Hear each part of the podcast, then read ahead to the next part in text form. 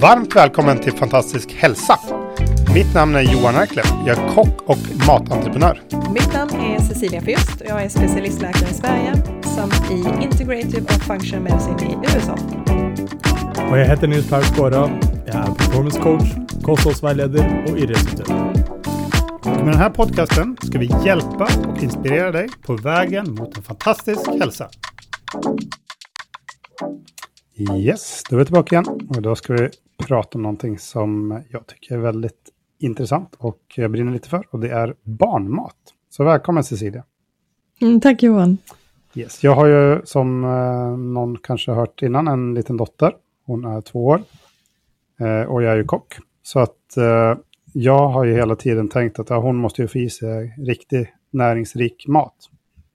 Eh, och vi har ju pratat väldigt mycket om mat i många olika poddavsnitt och effekten det har på vuxna har vi väl mest pratat om. Det är också lite intressant att prata om barn då. Eh, du har ju en del barn som är dina klienter, patienter som kommer till dig som har olika hälsoproblem också. Eller föräldrarna mm. kommer med barnen. Då. Så att eh, jag tänkte att vi kan prata lite om, eh, om detta då. Det som, som jag också mm. ska sägas är ju att eh, jag kan bara berätta hur, vad jag har gjort och hur jag har tänkt runt eh, maten. Eh, så det första är ju att eh, jag ville att jag skulle ge liksom Lilly, som min dotter heter, all typ av mat eh, när hon var väldigt liten. Där jag läst, läst att då är de liksom mest, de, de förstår inte så mycket, de har inte så mycket egen vilja, så man kan liksom stoppa i någonting. Så det var alla grönsaker, det var alla skaldjur, allt möjligt liksom, stoppa eh, in i den lilla munnen. Liksom. Eh, och så riktigt tidigt, så, eh, för vi hade någon som frågade vad, vad ska bebisar äta, vad ska barn äta? Bebisar äter ju inte så mycket, de äter bröst och de äter puréer. Eh, så då hade jag lagat några, några eh, baser kan man säga, som jag nu använder eh, både på mina restauranger och lite andra projekt. Som är väldigt näringstät med massa grönsaker, olivolja, alltså bra fett, eh, linser eller kikärtor som är tryckkokta länge, länge så att de inte är så starka. Eh, så jag vill bara liksom att det ska vara mycket protein, eh, mycket olika grönsaker, bra fett. Det var det som var tanken. Eh, och det funkade väldigt fint för eh, Lill i alla fall. Och så tog jag den som baser och tillsatte lite olika grönsaker. Någon gång sötpotatis för att få lite extra smak av just den grönsaken. Någon gång lite extra morot, någon gång lite extra broccoli, äpple, banan, allt möjligt. Uh, så det, det, det, var i alla fall en bra start. Och liksom, sen började jag slänga in uh, henne allt möjligt och hon åt det mesta. Men sen kommer jag oftast till en tid när de helt plötsligt får för sig massa grejer. De ska inte ha broccoli längre, eller de ska mm. inte ha morötter längre. Och nu har ju min dotter börjat i det som heter, jag bor ju i Oslo, det heter det barnhage. Jag vet inte, är det förskola i Sverige eller vad heter det? Ja, förskola. förskola ja. så att, och där får de ju lagad mat fyra gånger i veckan. Det som man ser där är att då börjar de bli lite äldre och, och det är eh, och ofta grupper med lite variation på barnen. Och, och där är det också lite den här grupptrycksgrejen, eh, att om ett barn gärna ett äldre barn säger till att Nej, men det här tycker vi inte om, så hänger alla på liksom. Och så äter de inte. så att, eh, och vi har ju sett det med Lilla, att hon, ja, som sagt, hon äter inte morötter längre som hon tyckte var gott. Och hon och liksom, kunde äta liksom ärtor, det äter hon inte heller längre. Broccoli, det vill inte ha längre. Så det som jag tänkte, tänkte vidare på då, då använder jag, alltså, jag mixar in det i rätter och så vidare för att få, få henne att få i sig det. Eh, och jag pratar också väldigt mycket med föräldrarna. Och det de säger, vi får inte ge ungarna någonting. Det enda de vill ha är egentligen glutenprodukter. Alltså de vill ha pasta, vissa tycker om ris mm. och de vill ha eh, bröd. Bröd eh, mm. äter ju alla liksom. Så att det, det, här är liksom lite intressant. Vi har ju pratat mycket om gluten innan till exempel. Eh, mm. hur, hur, vad tänker du om det? Liksom hur med ett litet mm. barn och gluten, hur, mm. hur är det? Ehm, jag tycker man ska, vara, man ska vara försiktig med gluten om man ska introducera, ska man använda gluten ska man introducera det långsamt och det är inte det man ska börja med. Så att eh, när man börjar liksom introducera barn till mat när de är mellan fyra och sex månader någonstans där, så, så börjar man med grönsaker, precis som du har gjort eh, Johan. Eh, alltså man börjar med, med eh, kokt potatis, palsternacka, morötter, sötpotatis, broccoli. Eh, alldeles utmärkt att börja med det. Eh, därför att det de ska vänja sig vid där det är ju också det är konsistens. Det är något nytt. Eh, de ska vänja sig vid smakerna. Och det tar tid för hjärnan att uppfatta och eh, lära sig eh, olika typer av konsistens och vad de ska ha det till och hur det smakar. Eh, så man ska liksom få en, en tillvänjning och en invändning där. Ehm, och tittar man på vad som händer om du matar på till exempel med sånt de bara vill ha. Eh, problemet är, som man har sett nu, eh, det är faktiskt att de utvecklar en eh, tarmflora som inte är särskilt fördelaktig och som kan ge dem stora problem framöver. Så de får alltså en, en eh, sammansättning av tarmbakterierna som inte är särskilt gynnsam, som också kan göra dem mer infektionskänsliga till exempel. Eh, att eh, eh de här olika typerna av stadierna, att tarmytan och tarmbarriären ska skapas så att den eh, inte blir lika Eh, intakt eh, och lika skyddande. Eh, då ökar risken för att utveckla intoleranser, eh, verkliga allergier, ehm, så att det gäller att ha en, en, plan med hur man introducerar barn till mat och vad man börjar med. Så grön, grönsaker är en jättebra bas att börja med. Och var försiktig eh, med, med, med gluten, det är inte det man börjar med. Nej. Men när de blir lite äldre och de börjar få en väldigt stark vilja och de vill ha pasta och de vill ha bröd och allt det där. Um, har du, vad, vad ska man göra, göra då? Alltså vi, vi prövar att introducera mm. andra saker. Eh, och liksom testa och liksom nya saker och kanske gå tillbaka till saker vi har prövat som inte gillar. För helt plötsligt tycker hon om någonting igen. Precis. Det är precis som du säger, man kan gömma det i annat. Mm. Så man kan blanda in det i annat. Så gillar de, är det någonting annat de, de tycker om för tillfället så kan man ju som sagt tillaga det genom till exempel att purea morötter och blandade i någonting annat så att de inte vet om att det finns där. Mm. Eh, något som också faktiskt är viktigt som man kanske inte tänker med det är att eh, barn är väldigt beroende av fasta rutiner. Så att man ser till att man inte hoppar med måltidsrutinerna och hoppar med tidpunkterna. Eh, och sen handlar det också om att man ehm, Eh, till exempel inte, inte eh, sätter fram maten om barnet är för trött. Så att man, att man skapar just de här mönstren och rutinerna runt är mycket, mycket viktigare än vad man egentligen har förstått tidigare. Ehm, och, och tittar man tillbaka i tiden, om man tittar på min, min mormor, så, så åt man ju liksom vid bestämda tidpunkter. Ehm, och, och där finns liksom en vits med det. Och så just det att vara, vara lyhörd och titta på ditt barn och se till att det inte blir för trött, för att då vill det inte äta. Och ska du då introducera något eller det är något som de kanske inte tycker är sådär jätte, jättegott, då får man en kamp redan där.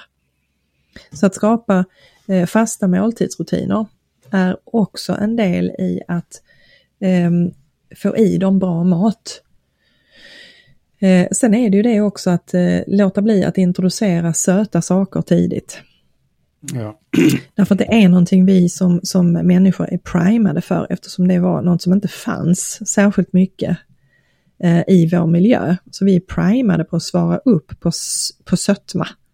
Så vi har väldigt starka impulser för sötma och dessutom får vi då ett dopaminpåslag så att det blir ju dessutom att vi söker efter det. Och det är klart att det är mycket, mycket godare med någonting som smakar sött då och som drar på dopaminet än att jag ska stoppa i mig en, en mosad broccoli.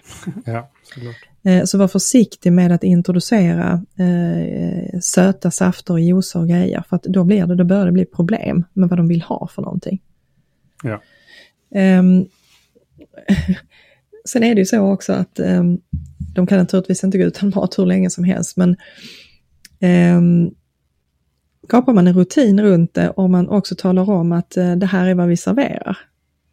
Och så sitter man en stund och vill de då inte äta, nej, men då får de gå ifrån bordet. Ja, precis. Det finns inget barn som svälter sig självt gör det inte. Och sen får naturligtvis, det, man får alltid ta allting med en liten nypa salt, så att man, då får man ju locka dem med någonting som de gillar, eller som du sa också, att man gömmer det eh, i någonting annat man tillagar när de kommer in i perioder. För att sen handlar det ju också om att de kommer in i olika typer av trots och utveckling, där de vill känna att de är sin egen lilla individ och vill bestämma vad de stoppar i sig och hur de gör det.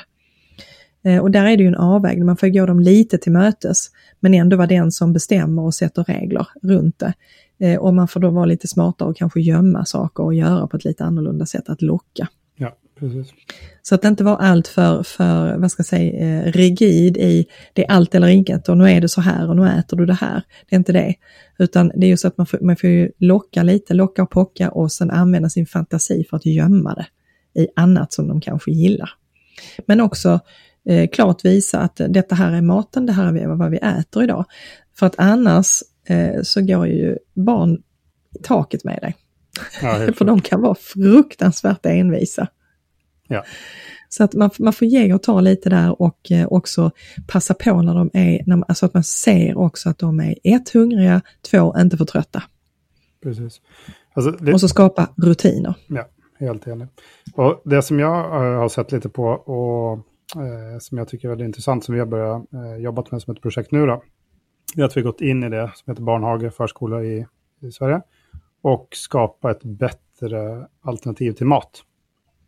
Eh, för eh, lite som jag har tänkt också att jag, jag har prövat prima Lilly. Och så kommer man till barnhagen och så ser man ja, vad andra barn kanske äter och liksom vad de har för vanor och liksom föräldrar säger att det är svårt att få i dem någonting och allt det där. Så tänker jag, men då måste man börja tidigt. Eh, så att vi, nu har vi ett projekt, nu har vi hållit på i bara några, några veckor, så kommer vi fortsätta nu efter eh, sommaren. Eh, så vi lagar då den här maten till min dotters barnhage. Och det jag har gjort där då, är att jag har gjort mycket av de tilltagen vi har pratat om innan. Alltså vi använder i stort sett bara ekologiskt. När vi använder mjölkprodukter så är det riktiga grejer. Alltså det är inte någon sån hitta på ost, det är riktig parmesan. När, eh, samma det, vi, vi lagar soppor till exempel. För grejen var att jag, jag såg, jag, jag kan bara spola tillbaka lite, jag såg den här menyn som hon hade, det hon åt innan vi började. Och det jag tänkte där, ja men det här är ju liksom, okej, de kunde få eh, havregröt med, med smör, socker och kanel. Det var liksom en, det kan vara proteinerna, vad, vad är det här liksom? Och så var det blomkålssoppa ena dagen med några något bröd liksom. Men hur har de tänkt på det här då? Hur ska det liksom bli en fullvärdig måltid liksom med riktigt näringstätheten. näringstäthet? Så, så det, vi, det vi gjorde där, okej, okay, vi, vi har soppar eh, på måndagar. En dag i veckan har vi soppa. Men den soppan är lagad på de här baserna jag pratade om. Så den, är liksom, den har ett bra eh, proteinvärde från antingen linser eller kikärtor som är kokt länge. Den har massa olika grönsaker, den har bra fetter i sig. Eh, och så gör jag olika varianter, om det är en tomatsoppa eller om det är en blomkålssoppa eller vad det nu är för någonting. Men den är närings den är liksom, man känner liksom, det, det är en mättnad när du äter den. I tillägg så istället för bara att servera något så vanligt bröd som är ganska så näringsfattigt så lagar jag egna eh, kikärt och bananmuffins. Också med extra virgin olivolja, kikärtsmjöl. Alltså du, du får lite protein och du får lite andra grejer i brödet. Då. Och det har ju varit, det har varit väldigt populärt. Eh, och samma, en av de rätterna som var mest populär, Eh, som är lite, också lite spännande, då eh, lagade jag en, jag kallar det coq au vin. Men eh, istället för rödvin så använder jag rödbetor. Och barn gillar inte eh, så stora bitar. Innan vi startade det här så, så hade vi väldigt mycket intervju med personalen. Hur vill ni ha det? Vad tänker ni? Så de har fått vara med och skapat den här menyn. Då. Men i den här kokavänen så använder jag en av mina tomatbaser. Eh, som jag pratade om som är en massa näring i. Och så har jag då ekologisk kycklingfärs som jag mixar med den här tomatbasen. Så det blir helt slätt. Så mixar jag in en massa ekologiskt eh, eh sån stjälkselleri. För det får du aldrig ge ett barn annars. Eller inte de flesta i alla fall. Eh, och sen så har jag rödbetan i strimlor. Då. Så den enda som är bitar är, är eh, rödbetan. Eh, så tänkte jag liksom, ah, men undrar om de kommer gilla det. Eh, för, förresten, jag gör också den lite tjock med hjälp av kikärtsmjöl. Så den får eh, eh, lite protein där och så lite som rätt eh, tjocklek. Eh, och så texturen där, är, ja, kanske var lite märklig kan man tänka som en vuxen. Såg ut kanske lite som en köttfärssås på sätt och vis. Men liksom rödrosa av rödbetorna. Men det blev en sån supersuccé. Så flera föräldrar stoppade mig på, liksom, på väg till barnhagen när de ska hämta Lille och liksom att eh, deras barn var så nöjda och så vidare. Och folk frågade om recept och, och liksom att barnen åt som bara den. Eh, för de tyckte dels att det var god smak och sen så tyckte de att ja, det var en rosa, en rosa gryta. Då. Så de, de fick det med ris. Och då blev liksom riset rosa, så det tyckte de var väldigt festligt. Så att eh, eh, så, så har jag liksom hållit på och tagit fram rätter som, som, som, jag tänker att barnen kommer att tycka om både färgmässigt och liksom smak alltihopa, men att det är riktigt näringsrikt. Och att jag har varit väldigt liksom, noga och pratat mycket med personalen. Och feedback hela tiden för hur kan vi göra bättre. Jag tyckte om den här rätten. Okej, okay, då kanske vi ska byta till någonting annat. Eh, och just det att jag i stort sett tagit bort eh, gluten. Eh, och som sagt, när det är eh, laktos eller mjölk då så är det bara från liksom, riktigt bra källor. Det är ekologiskt. Eh, så, att, så det, är ju liksom, det är en liten ny standard. Det var det jag tänkte också. När jag går in i ett område så som vi gick med personalrestauranger. Så vi mitt mål där vi ska vara bäst i Norge, annars så, så är det, och vill jag inte hålla på med det. Så det är lite samma vi tänker med det här projektet här. Vi måste ge liksom en ny standard för att visa hur bra man kan laga mat till små barn. Då. Och, att, mm. och redan nu har liksom personalen i barnhagen är jättenöjda. Och föräldrarna har liksom börjat kommentera eh, massa liksom också på det här. Och nu är vi liksom, vi är bara, vi är bara igång, vi har bara hållit på några veckor. Så att eh, det blir väldigt intressant att, se hur det här Eh, vidare. Jag vet inte hur det är. Jag vet att i Sverige på vissa ställen så har de kanske egna kockar tror jag. Va? Mm, det finns, men det är, det är väldigt ovanligt, men det finns. Eh, det finns de som har satsat på det och, och lagt pengar. Eh, och jag tycker det, det låter, alltså det, det, jag, jag blir så glad när jag hör det och det är så himla spännande och just det här som du tog upp Johan, att barn, det är, det är färg, det är form. Ja. Det är något som är kul, det är något som är annorlunda och ovanpå det så blir det då en smakexplosion. Och det är ingen som tänker på barnen som, av, av barnen som tänker på att oh, är det här jättenäringsrikt, utan de reagerar på färg, form och smak. Och Precis. tycker det här är både festligt och roligt och gott. Mm. Och där har du liksom fått, fått med dig alla grundnäringsämnena och i väldigt tät och bra koncentration. Eh, så att du täcker ju in alla näringsområdena och dessutom tycker de det är gott och de tycker det är roligt och de tycker det ser kul ut. Så där har du ju en fantastisk kombination. Ehm, och det jag skulle vilja kommentera där, det är att det man måste förstå med barn, det är att kvaliteten på det du ger dem tidigt kommer att lägga grunden för ett stabilt immunförsvar och en god utveckling. Därför att det man har sett med barn som till exempel eh, är uppväxta på eh, saker som, som eh, egentligen inte är sådär jätte, jättebra och jätte, jättenaturliga, det är att de får en sämre utveckling av immunförsvaret i mag-tarmkanalen. De har ofta en sammansättning av bakterieflora som gör det svårt för dem att ta upp vissa näringsämnen, vilket kommer att påverka utveckling, insulinresistens, mående, eh, psykiskt mående, inlärningsförmåga. Ehm, så att det maten gör när man gör som du gör, det är ju också att du skapar en miljö i tarmen som vissa typer av bakterier trivs i. Och de bakterierna kommer också ha stor betydelse för barnets fortsatta utveckling och mående. Så det är inte bara det att ni gör det roligare för barnen att de får näringstät mat, utan ni ger dem också förutsättningar för att utvecklas på ett optimalt sätt. För samverkan mellan maten och det som händer i deras kropp, det är ju egentligen det också utöver det här som jag pratat om som är så extremt viktigt när vi tänker på att vi vill ha friska och glada eh, barn. Så att ni bygger ju också ett system i kroppen eh, som kommer att eh, fungera på ett bra sätt. Och vi bygger alltså upp förutsättningar för att de ska kunna växa och må bra därför att vi kommer också föda fram vissa typer av bakterier. Du kommer bygga upp en, en mag-tarmkanal som är stabil och ett immunförsvar som fungerar. Precis. Så det är så mycket, mycket mer egentligen som ni gör när ni gör detta, som är viktigt för barnet. Eh, det finns flera snygga kliniska studier som är gjorda på när de har till exempel jämfört eh, barn som har fått då olika typer av...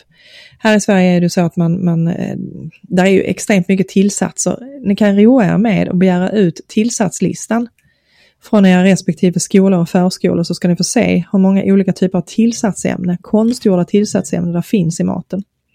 Och det värsta är att de tillsatsämnena, de förändrar tarmflora, de förändrar stabiliteten i immunförsvaret. Eh, de gör det lättare för vissa bakterier och virus att trivas.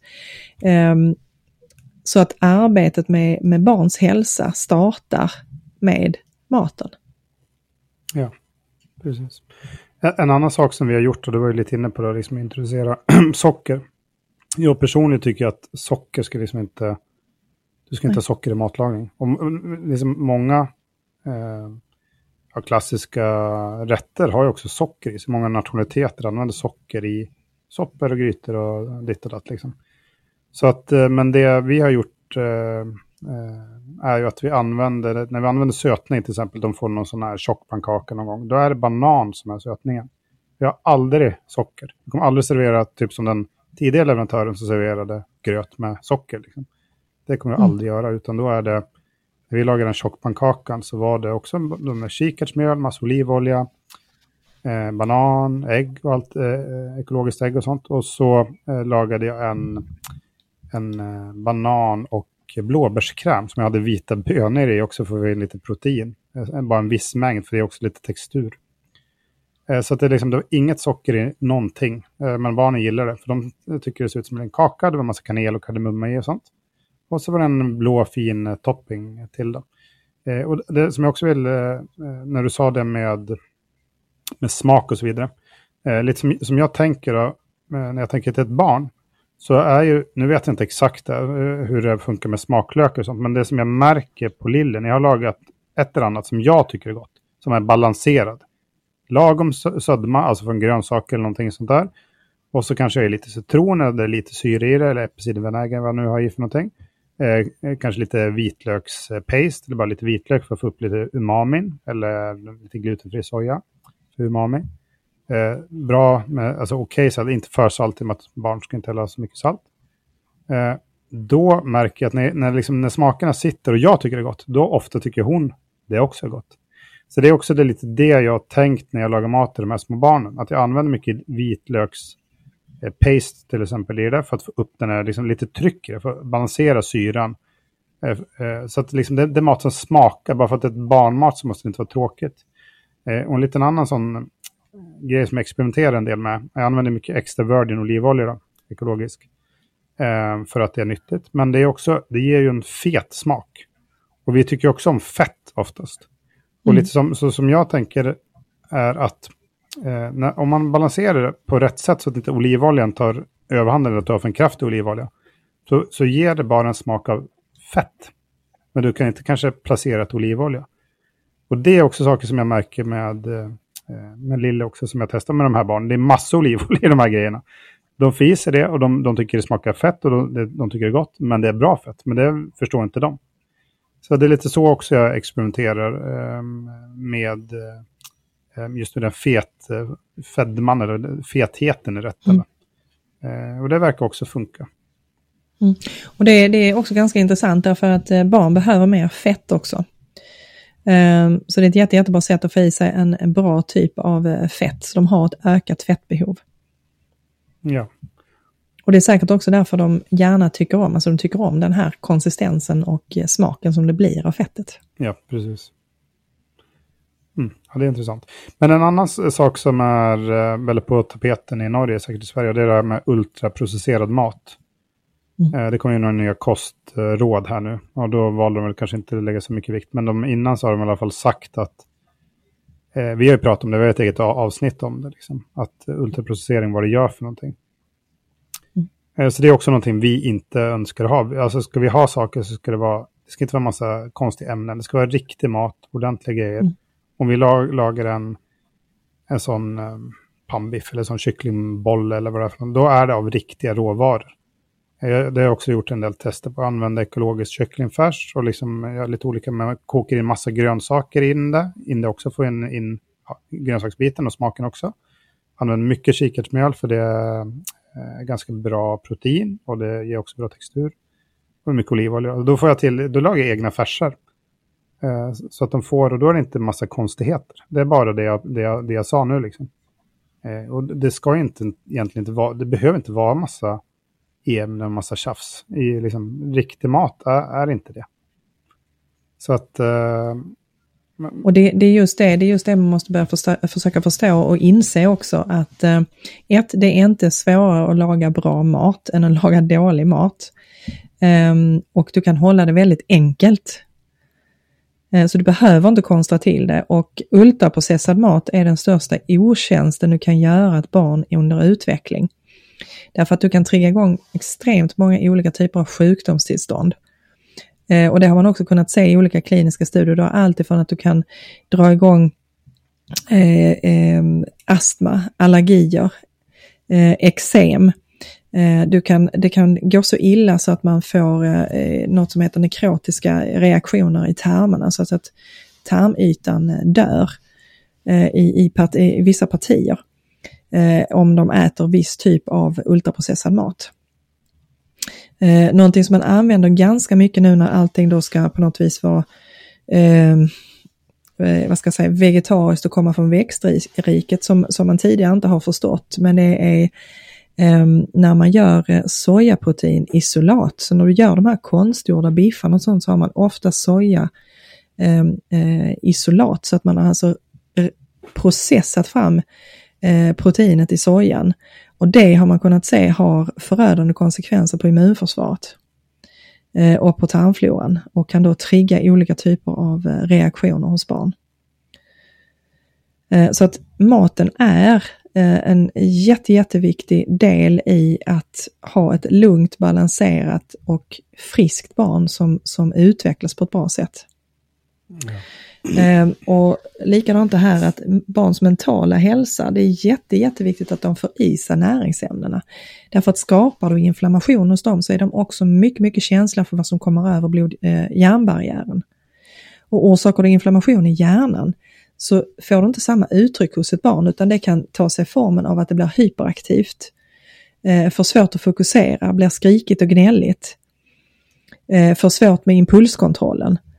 Eh, så att ta ett steg tillbaka och se eh, vad det är som kan trigga den här typen av beteende. För många gånger så handlar det här inte om någon diagnos i form av ADHD eller ADD, utan det kan mycket väl vara triggat av att du har ett näringstillstånd, en situation, en tarmflora eh, som är helt eh, vad ska jag säga, eh, alltså obalanserad och dessutom innehåller en, en skadliga former av olika typer av bakterier som i sin tur genererar eh, till exempel toxiner som kommer över i cirkulationen orsakar eh, irritation och inflammation eller att de får problem med näringsupptag av väsentliga näringsämnen som gör att du får brister och bristerna ger sig uttryck som till exempel som i ett beteende störning.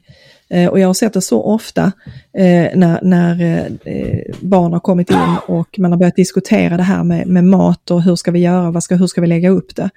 Eh, och, och, man har då börjat med olika typer av utredningar. Och när vi väl har börjat att ehm, ehm, titta igenom och se vilken mat är lämplig, eh, vad, vad har de för olika typer av reaktionsmönster på vissa typer av födoämnen rent genetiskt. Eh, hur ser det ut i mag-tarmkanalen? Vad har vi för sammansättning av bakteriefloran? Ser det okej okay ut? Är det läckage över tarmepitelet? Är det någon tecken på någon inflammatorisk reaktion? Och så när vi börjar rätta till de här sakerna, ja då helt plötsligt försvinner de här beteendena och symptomen som man då har velat utreda. Så att det har egentligen varit en, en reaktion på att du har saknat eller du har orsakat eh, en process i, eh, i kroppen hos dem. Okay. Så att vi, hade, vi gör oss en jätte, jättestor tjänst och barnen en jätte, jättestor tjänst om vi faktiskt sätter oss ner och tar oss lite tid och tänker igenom hur vi ska lägga upp och, och eh, vad vi ska ge dem för typ av mat. Och det är inte, du behöver inte göra det så jätte, jättekomplicerat, precis som du beskriver Johan. Eh, utan att tänk på att laga saker och ting från grunden och använda naturliga råvaror och så lite bekämpningsmedel som möjligt därför att omogna system är mer känsliga och har sämre förmåga att ta hand om vissa typer av ämne än vad vi som vuxna har. Och Det är därför det är viktigt att hålla det så giftfritt man kan, eller i alla fall så låg koncentration av gifter som möjligt. Så att de får en chans att bygga upp ett immunförsvar och en tarmflora som verkar för dem och inte emot dem. En, en sak som jag tänker där är att, eh, som varit också på diskussion här i Norge, det är att, eh, att för en, en förälder vill ju sitt barn det allra bästa. Men det är också det att eh, det, det, som är tillgängligt där, det som är liksom marknadsför mot barn, alltså när du ska gå in och köpa en frukost, så är det olika klämpåsar med, eh, eh, med, liksom, med yoghurt till exempel eh, som är för, anpassade för barn. liksom, eller typ sådana här fruktyoghurt ditt och datt. Jag bara såg, det var någon, en, en svensk sån influencer som jag såg, som postade en, en, eh, en post just med de fruktyoghurtarna. Där han då sa att, eh, eh, vet ni hur mycket socker det är i de här? Det var någon jogg eller vad det var för någonting. Och då sa han att det är mer socker i fruktyoghurten än i Coca-Cola. Jag tror det var 11 Mm. gram per 100 gram och så är det 10,8 någonting i Coca-Cola. Så att eh, det tänker man kanske inte på. Alltså, hade man tänkt och förstått det hade man kanske inte gjort det. Men samtidigt är det också att folk är stressade. Folk kanske har flera barn. Det blir liksom ett det, det är ett maskineri som ska gå ihop där. Och då blir det kanske de enkla valen. Okej, Okej, där är den eh, yoghurthyllan, där är den här färdiga yoghurten, där, den äter barnet. Och så, ja, korv, ja det tycker de om, det är enkelt, okej, men då kör vi det. Och så är man liksom igång med den där eh, eh racet. Då. Så att Eh, det, det, det som jag tänker i alla fall, som vi ska göra på sikt, okej, nu har jag börjat med min dotters barnhage, men vi är också på disk- diskussionerna just i Norge med lite andra en väldigt stor eh, leverantör som levererar till flera tusen barn varje dag. Eh, om man kan göra någonting där. Och så tänker jag också att man kan dela, att vi kommer dela med oss lite av recepter och sånt. Eh, I och med att föräldrar har frågat om det. För det. Det är det jag också tänker att en sak är att laga mat till barnen och allt det där. Men man måste också få med föräldrarna. Ge dem tips och knep på hur de kan lyckas. Eh, Så det har jag också tänkt att kanske hålla lite som matlagningskurser och sånt. Hur, hur kan ni laga enkel, snabb och bra mat till era barn? Mm. Eh, Men, men va- vad för skojs skull, om vi tänker att vi, vi, vi, ser på några förslag då. Jag har en del grejer som, som jag kör på Lilly som, som eh, funkar. Till exempel, eh, jag köper inte sådana här fruktyoghurtar. Så jag lagar egen, jag gör en liksom eh, variant, jag lagar sån grötyoghurt. Så att jag har eh, ekologiska, eller ekologiska, ekologiska de också, men det är glutenfria havregryn. Eh, som jag kokar och så eh, till en gröt. Och så med lite eh, kanel och kardemumma. Och så brukar jag i lite sån grekisk yoghurt. Eh, och sen för att få upp ännu mer eh, protein. För i början så åt eh, Lilly alltid två scramble ägg varje morgon. Det var hennes rutin. Sen slutade hon med ägg. Och då tänkte jag, men jag måste ju få in det där. För ekologiska ägg är ju, det är ju väldigt näringstätt och bra, tänkte jag. Så då vände jag bara i det här ägget i gröten. Eh, så, så det har ju faktiskt, och det har hon, och då, då märker hon ingenting. Så har jag i massa blåbär, ibland lite banan, lite olika grejer. Massa kanel och kardemumma, så det är liksom nice. Smakar gott. Eh, så då, då får hon i sig massa saker. Vad, vad tänker du, är, är det en bra frukost för ett barn? Svar ja. Du har de snabba kolhydraterna, du har proteinet och du har fettet. Ja. Precis. Så det är en jätte, jättebra sammansättning. Och inte bara det, det innebär också att eh, eh, du kommer inte att få eh, det här snabba insulinsvaret heller, så att det här barnet kommer att hålla sig mätt länge. Eh, och du får inte det här att, att du får en, en snabbt svar på insulinet, mycket blodsocker och sen så kraschar det en timme senare. Eh, och, och kan då ge sig olika typer av uttryck som trött barn, skrikigt barn, eh, eh, irriterat barn som då egentligen ger uttryck för att jag är hungrig igen därför att blodsockret ligger jätte, jättelågt. Så att när man gör som du gör där, då får du alltså ett, ett, eh, en situation i kroppen där, där blodsockret kommer att hålla sig stabilt under mycket, mycket längre tid. Och då mår barnet bättre. Ja, så den var tummen upp. Mm, den är definitivt eh, tummen upp. Men jag håller med dig Johan, man, man, måste, man måste skapa, man måste hjälpa till att skapa förutsättningarna för att kunna göra de här sakerna som vi pratar om. Eh, och inte minst samhället måste ta ett ansvar också åt vad de gör reklam för och vad de gör tillgängligt och vad de lägger längst fram på hyllorna. För socker är ett jätte, jätteproblem generellt i samhället. Ja. Där är socker i allting och det promotas och, och det, det används. Och det är ju just det här med, som jag pratade om också, att eh, får de upp smaken för det så är det ju en dopaminkick och det vet ju alla hur svårt det är. Vi kan få dopaminkickar av allt mellan himmel och jord men sötsaker är en av de sakerna eh, som, som vi har en, en drivfaktor för. Så det är klart att har du fått smaka det, ja då är det kanske inte så himla kul att äta broccolin. Nej. Så vi måste liksom hjälpas åt att skapa bra förutsättningar. Ja, just den där är lite svår, för det har ju varit, det är också en väldigt stor diskussion här i Norge, jag tror Sverige också, men att till exempel i barnhagar eller förskolor, att det, det är någon som fyller år och så kanske de har med kakor till exempel. Det är ganska vanligt. Vissa har ju att de, att de bestämmer att det är förbud att ingen får ta med till exempel. Men det är, det är i alla fall väldigt vanligt i Norge att man tar med sig någonting. Vissa kanske tar med frukt istället, sånt, så det kanske är fint. Men så är det ibland att de får glass till exempel. Jag hörde någonstans att det var att eh, glassföretag går in och gör avtal med barnhagarna. Så att, liksom att de, mm. att de ja, köper in stora mängder glass och har glass tillgängligt för barnen. Och det blir liksom så här, jag, jag, tycker det är lite... Vi har ju liksom varit försiktiga med det med vår dotter, men, men eh, till exempel vi var på ett event tidigare idag eh, som företag med, med min tjejs jobb. Då. Och då Eh, så bjöd de på mat alltihopa. Och det var fritt med glass. Och, och, alla barn hade glass. Och vi sa flera gånger, nej men det går inte, det går inte. Liksom, till slut blev det så här, ska vi vara den enda som inte var vårt barn, då blir man ju så här, man, man hamnar i en situation och hon blir ledsen och sånt. För hon har ju förstått vad glass är i och med att hon har fått det kanske i ja, barnhagen, ja, på lite olika. Vi har aldrig glass hemma. Så då, liksom, då råkar man, ja, då fick hon glass då, då idag. Men det känns ju inte bra. Men samtidigt känns det inte bra om hon ska vara den enda av alla barn i en lokal som inte har glass. Det känns ju också väldigt konstigt. Liksom. Precis, och där har du det här med socialiseringsprocesserna som vi sysselsätter oss med. Eh, och där, där eh, jag ofta får höra från andra, alltså när jag har haft barn där vi då har ställt om kosten och sånt därför att de har haft så stora problem så vi har tvungna att göra någonting åt det. Och så säger föräldrarna att det blir jättejobbigt i förhållande till andra barn och, eh, barns föräldrar framför allt. Som då tycker på något vis att vi terroriserar barnet när vi inte ger det socker. Ja. Så då måste vi börja fundera på varför ger vi det socker?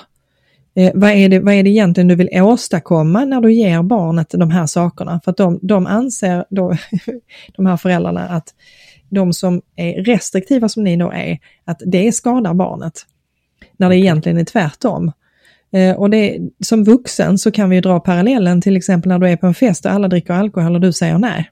Mm. Det är precis samma situation vi försätter våra barn i. Eh, och socker är någonting som orsakar väldigt mycket olika typer av problem i kroppen. Du får en viss typ av bakterier som trivs eh, i mag-tarmkanalen. Du får eh, eh, sockercrash, alltså du får hela tiden det här svängande blodsockret som gör att barnet pendlar mellan hyperaktivitet och, och för lågt blodsocker och då olika typer av reaktioner på det. Så att man måste nog också liksom börja, börja, diskutera vad är det vi gör och varför gör vi det här och varför tycker vi att det är okej okay? att putta i dem en farlig massa kakor och, och, och godis eh, som någon slags eh, belöning. När det egentligen inte är någonting bra med det. Så att den diskussionen måste ju komma upp eh, mellan föräldrarna. Eh, så att man på något vis kan eh, hjälpas åt där. Och jag säger inte att man ska utesluta dem. De ska, det är klart att de ska få lov att smaka glass någon gång då och då. Men det som du säger, det ska inte vara så att glassbolagen går in och har avtal med förskolorna. Nej, För då är man ju verkligen fel ute. Det är klart att barn någon gång ska få lov att smaka glass. Det är inte det det handlar om. Och någon gång ska få lov att ha något, nå, någonting gott som de eh, har längtat efter. Det är inte det. Utan det är ju vad vi gör eh, 80 procent av tiden som är det viktiga. Precis. Men vi måste ju se till att de inte primas och dras åt det och att det blir för lättillgängligt. Eh, och att man straffas som förälder när man istället försöker göra någonting bra för sitt barn. Så den diskussionen måste ju komma upp och det måste man börja diskutera. Verkligen. Sant, sant.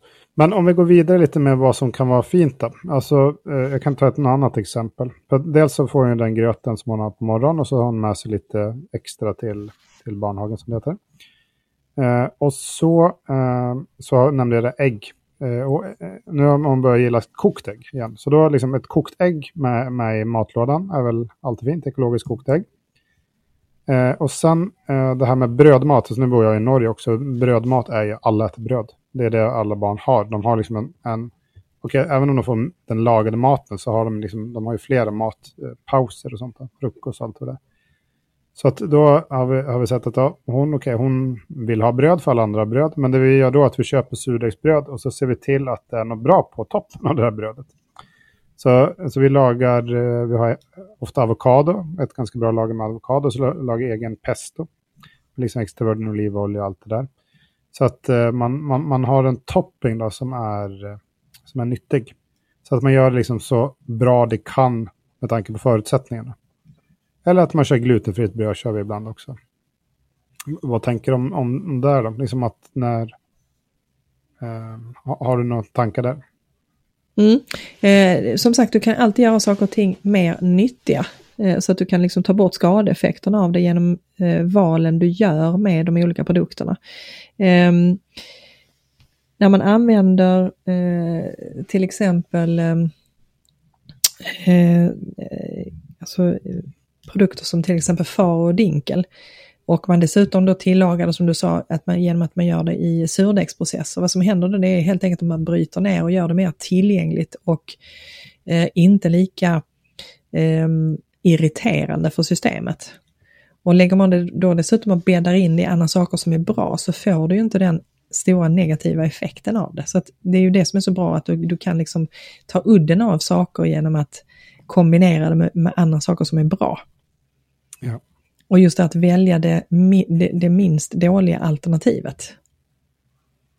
Precis. Så det tycker jag är en, en jätte, jättebra strategi.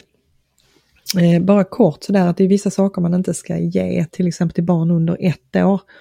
Eh, det brukar man ju bli informerad om men det kanske är bra att nämna. Eh, att vissa saker är inte bra att ge barn till exempel under ett år. Det man ska tänka på där det är ju saker som innehåller nitrit framförallt, nitrat och nitrit. Och där har man då de gröna bladgrönsakerna och rödbetsjuice. Eh, och det är helt enkelt därför att får de i sig för mycket av de här ämnena så eh, påverkar det kroppens eh, förmåga att transportera syre i blodet. Så det ska man tänka på, det är en sån här no-no när man har barn under ett år. Ehm, man kan ibland säga att potatis kan vara grön, det ska man absolut inte ge till barn under ett år. Eh, därför det innehåller väldigt mycket solanin. Eh, och det kan både ge kräkningar och diarréer. Eh, honung kan innehålla bakteriesporer. Så det, kan, det, ska man också vara försiktig med. Ehm, och något man kanske, som ni ser, ofta ser, det är att barn sitter och tuggar i sig riskakor. Det ska man undvika eh, och det är helt enkelt därför att eh, många risdrycker och risprodukter har höga halter av arsenik. Eh, ja. Så det ska man vara försiktig med och egentligen tittar man på vad man ger för råd där så ska egentligen barnet vara över sex år. Okej. Okay. Mm. Mm, så det, det, är en ganska så hög ålders eh, eh, gräns egentligen på vad de rekommenderar. Just det här med att vi vet att det innehåller ganska mycket arsenik. Eh, eller åtminstone hålla nere mängden ris man äter på en vecka. Ehm, och sen är det ju det här då med eh, att sluta, alltså att inte vänja eh, barnen vid socker tidigt. Därför att då blir det någonting som de prefererar och socker har så många olika typer av negativa metabola effekter. Ehm, så där är de, de vanliga, eller de, de, de sakerna man ska vara, vara medveten om när det kommer till barn under ett år. Så jag vill bara ha nämnt det. Ja. Väldigt bra. Är det något annat, nu har vi pratat ganska länge, man kan, vi, det blir fort så när vi kommer igång. Men är det något annat som du tänker att eh, man borde få i barnet? Är det några speciella grönsaker, speciella näringsämnen? Vi har pratat om olika... Ehm, man, kan tänka, man kan tänka lite, lite grann där, precis som vi gör för vuxna, och det är att eh, försöka att eh, sätta ihop färger till dem. Så till exempel morot, broccoli, har du det gröna. Så att tänk färger och kombinationer och det kan vara både grönsaker men det kan också vara bär. Försök att få i dem så många olika typer av färger under en dag som möjligt. Därför att med de färgerna så kommer det också komma olika typer av näringsämnen, olika typer av eh, antioxidanter, olika typer av polyfenoler. Så tänker man så så kommer det täcka eh, ett väldigt stort antal och mängd och kombination av olika typer av näringsämnen. Ja. Bra tips. En fråga där förresten. Uh, hur är det med uh, baljväxter, alltså kikärtor, linser och allt det där? Uh, mm. I och med att man har um, känsliga magar. Och så. Precis, alltså det, det, det, viktiga där det är som sagt att det är tryckhukt, så man gör det tillgängligt, så man bryter ner de här eh, svårnedbrutna eh, delarna från växten som, som barn då är än mer känsliga för än vad, vad vuxna är, för de har svårt att hantera det. Men gör man då precis som du sa, att man tryckkokar det och ser till att koka det under lång tid så är det ett jättebra näringsämne. Och eh, då får du också i dig proteiner från växtriket på ett enkelt sätt. Precis. Så det är mer tillagningsdelen där som är viktig att tänka på. Ja. Och så just det där, tänk på att färdigprodukterna från växtriket, de är processade. Eh, de är eh, utsatta för hetta, de är torkade, de är Eh, behandlade. Du får som jag sa de här sojaisolaten eh, eh som de gör. De är inte bra. De orsakar olika typer av negativa effekter i kroppen. Ja, precis. Ja, för jag vet att det varit en sån eh, diskussion, jag tror någon eh, i Oslo här, är politiker som sa att man, eh, ja, de hade som mål att de skulle ta bort liksom, kött och fisk. Och så var det någon som sa, okej, okay, men vad ska de äta då? Ska de äta de här ultraprocesserade?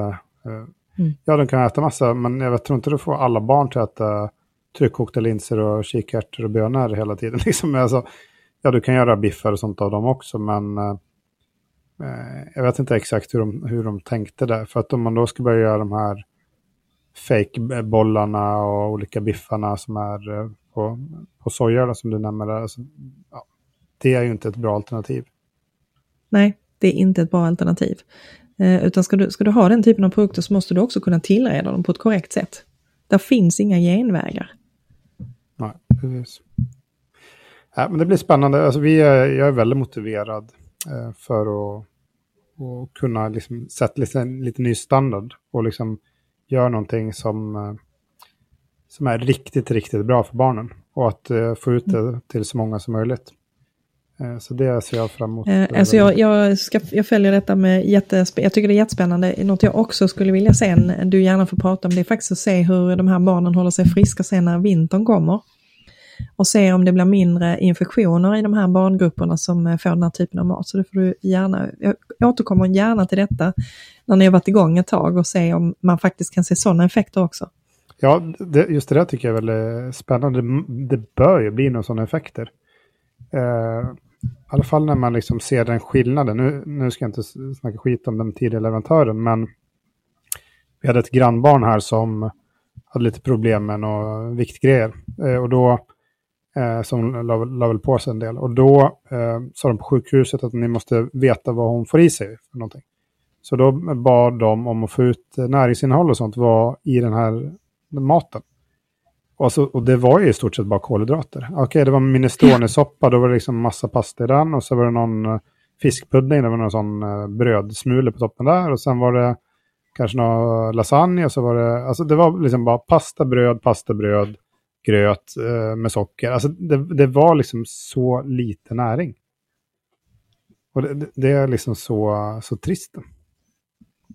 Precis, och, och, och, och, som sagt, alltså det, det får ju massa andra konsekvenser. Så jag, jag tycker det ska bli jätte, jättespännande att följa detta framåt eh, ur många olika typer av synvinklar.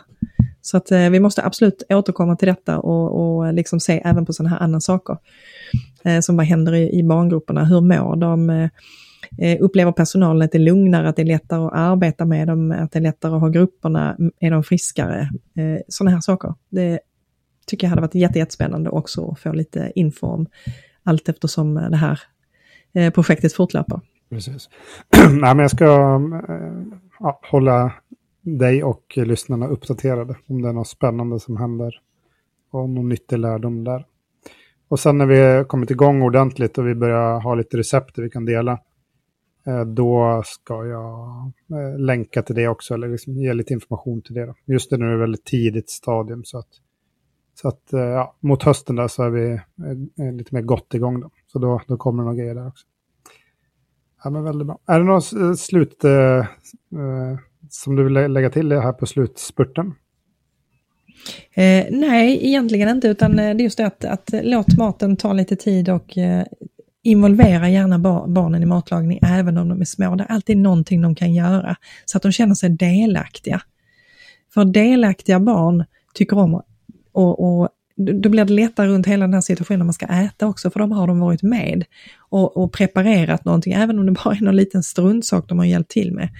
Så är det mycket, mycket lättare att få dem motiverade eh, om de får lov att känna att de är med. Ja, den är väldigt bra. Jag får lägga till en lite grejer där också, för att jag har alltid haft med Lilly på köket. De sitter lite vid sidan på bänken på ett tryggt ställe eller lite med på en stol. Då. Och i och med att jag lagar saker från grunden och då smakar av, tillsätter någonting och smakar igen och sånt. Så har hon liksom redan från tidigt, de första orden var nästan var, smacka. Och nu, nu säger hon, nu kan vi prata lite mer, så hon får smacka, får smacka. Så att hon är alltid med där och smakar. Så lagar jag någon soppa, så är hon med och smakar av den. Då. Eh, och det tycker jag är väldigt sött. Och just som det, jag märker det så tydligt att när hon känner att hon är med där och ser. Och, eh, ibland så ger jag henne liksom en vanlig mat, en vanlig kniv då, alltså som, man, som inte är vass. Som också hjälper den att skära lite morot eller något sånt. Så att jag inkluderar henne exakt som du säger. Och det märker man, det tycker hon är kul. Så då känner hon sig delaktig där. Och när hon äter det så har hon varit med och lagat det. Så att, Precis, eh, det är precis. väldigt fint. Och det blir, inte, det blir liksom inte samma konfrontation heller i den situationen, utan då känner de sig med. Och då, då det underlättar för en själv i, i situationen sen när man ska äta. Helt klart. Så, Ja. så bara, bara en sån här vanlig liten enkel grej som man kan tänka på. Ja, det var väldigt bra tips. Ja, men superbra. Men eh, då är vi nöjda för idag då. Mm. Perfekt, då tackar vi för idag och så är vi tillbaka nästa vecka med något nytt eh, område. Då kör vi en sån här 10 minuter. Så det får du veta mer om då. Så tack för idag Cecilia. Tack Johan!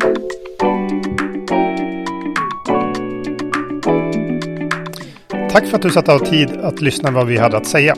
Om du själv har ett område du vill höra mer av kan du gå in och skriva ett meddelande till oss på, direkt på vår eh, Instagramkonto är lättast. Direktmeddelande där. Fantastisk Halsa är ett ord. Eller så kan du hitta mer information om oss på vår hemsida fantastiskhälsa.com. Tack!